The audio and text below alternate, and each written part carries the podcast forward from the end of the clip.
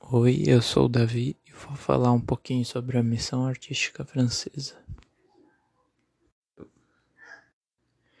A família real do Brasil chegou no dia 22 de janeiro de 1808. Ela chegou em Salvador. Um pouco mais tarde, em 1822, Dom João adicionou a introdução do estabelecimento de ensino superior e o Tratado de Navegação e Comércio, sendo o que acabou precipitando a independência em 1822. As obras públicas criadas pelo Dom João no Brasil foram o, a criação do Banco do Brasil, a criação da Divisa Militar da Guarda Real da Polícia da Corte, DMGRP, a autonomia administrativa, a permissão de imprensa, fundação da Academia Militar, da Marinha e do Hospital Militar, criação da fábrica de pólvora no Rio de Janeiro, a criação do Jardim Botânico no Rio de Janeiro, criação da Academia Imperial Belas Artes, criação da Escola Cirurgia em Salvador criação da Academia de Medicina e Cirurgia do Rio de Janeiro, que foi criada em 1808, criação da primeira Junta do Comércio e Real, a Real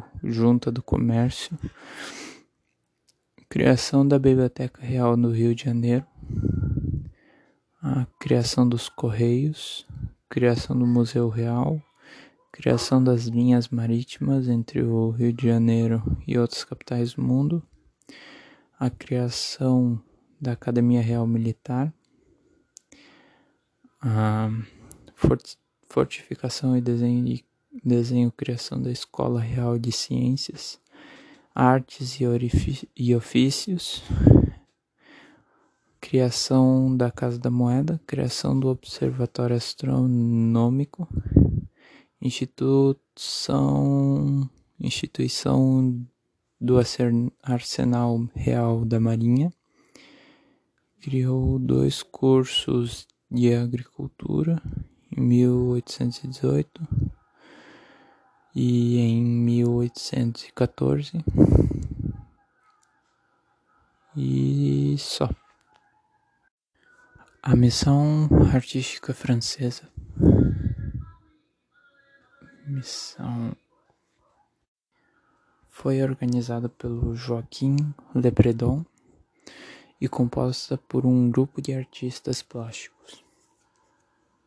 Fazia parte deles os pintores Jean-Baptiste Debré, Nicolas Antoine Taunay, os escultores Auguste Marine Taunay, Marc e Zéphirin Ferrez e o arquiteto Grandjean de Montigny.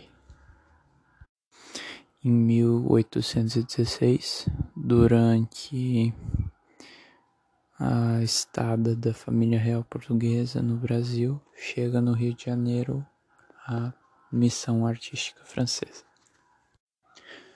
Debret foi um dos artistas que é, fez parte da missão artística francesa.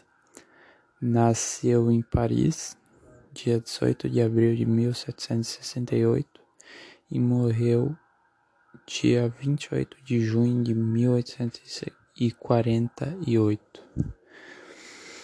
Foi pintor, desenhista e professor francês. Uma de suas obras é a obra de negros vendendo galinhas e perus, em 1820. Analisando a obra, podemos ver que é um modo de expressar o realismo, né? O trazer, tentar trazer a visão real do que estava acontecendo e tentar usar técnicas de aquarela para fazer a realização da pintura dos quadros e das obras. A criação da Academia Imperial de Belas Artes. Ah, ela foi criada em agosto, foi aprovada pelo decreto de 12 de agosto de 1816. Aproximadamente em 1821, Debré e Grandian de Montsing tomaram a iniciativa de lecionar a academia. A AIBA. Corrigindo, a Academia Imperial de Belas Artes abriu seus cursos novembro de 1826.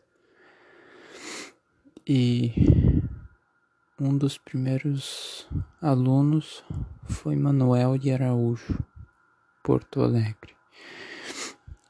Entre eles, entre os primeiros estudantes da AIBA, estava Claude, Claude Joseph Brandier, Auguste Petit, Thomas Ender, Johann Mortis Rugendas. Thomas Ender nasceu em 3 de 11 de 1793 e morreu, faleceu dia 28 de 9 de 1875 na Austrália, em Viena. Thomas era um artista de artes visuais, então ele tentava reproduzir tudo o que ele via através de um desenho numa folha para deixar de recordação. Já o artista Johann Moritz Rugendas nasceu em Augsburgo em 29 de março de 82, 1802 e faleceu no dia 29 de maio de 1858.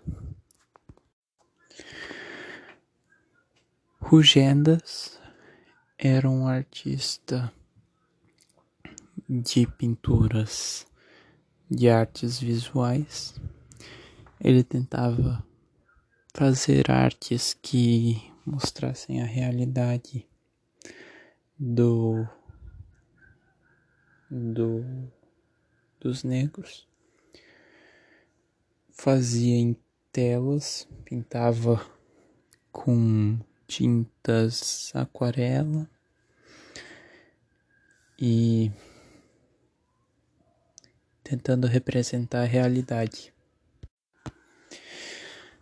A importância da missão artística francesa para a arte brasileira foi revolucionar o panorama das belas artes no país, introduzindo sistemas de ensino superior acadêmico e fortalecimento do neoclassicismo que estava iniciando seu aparecimento.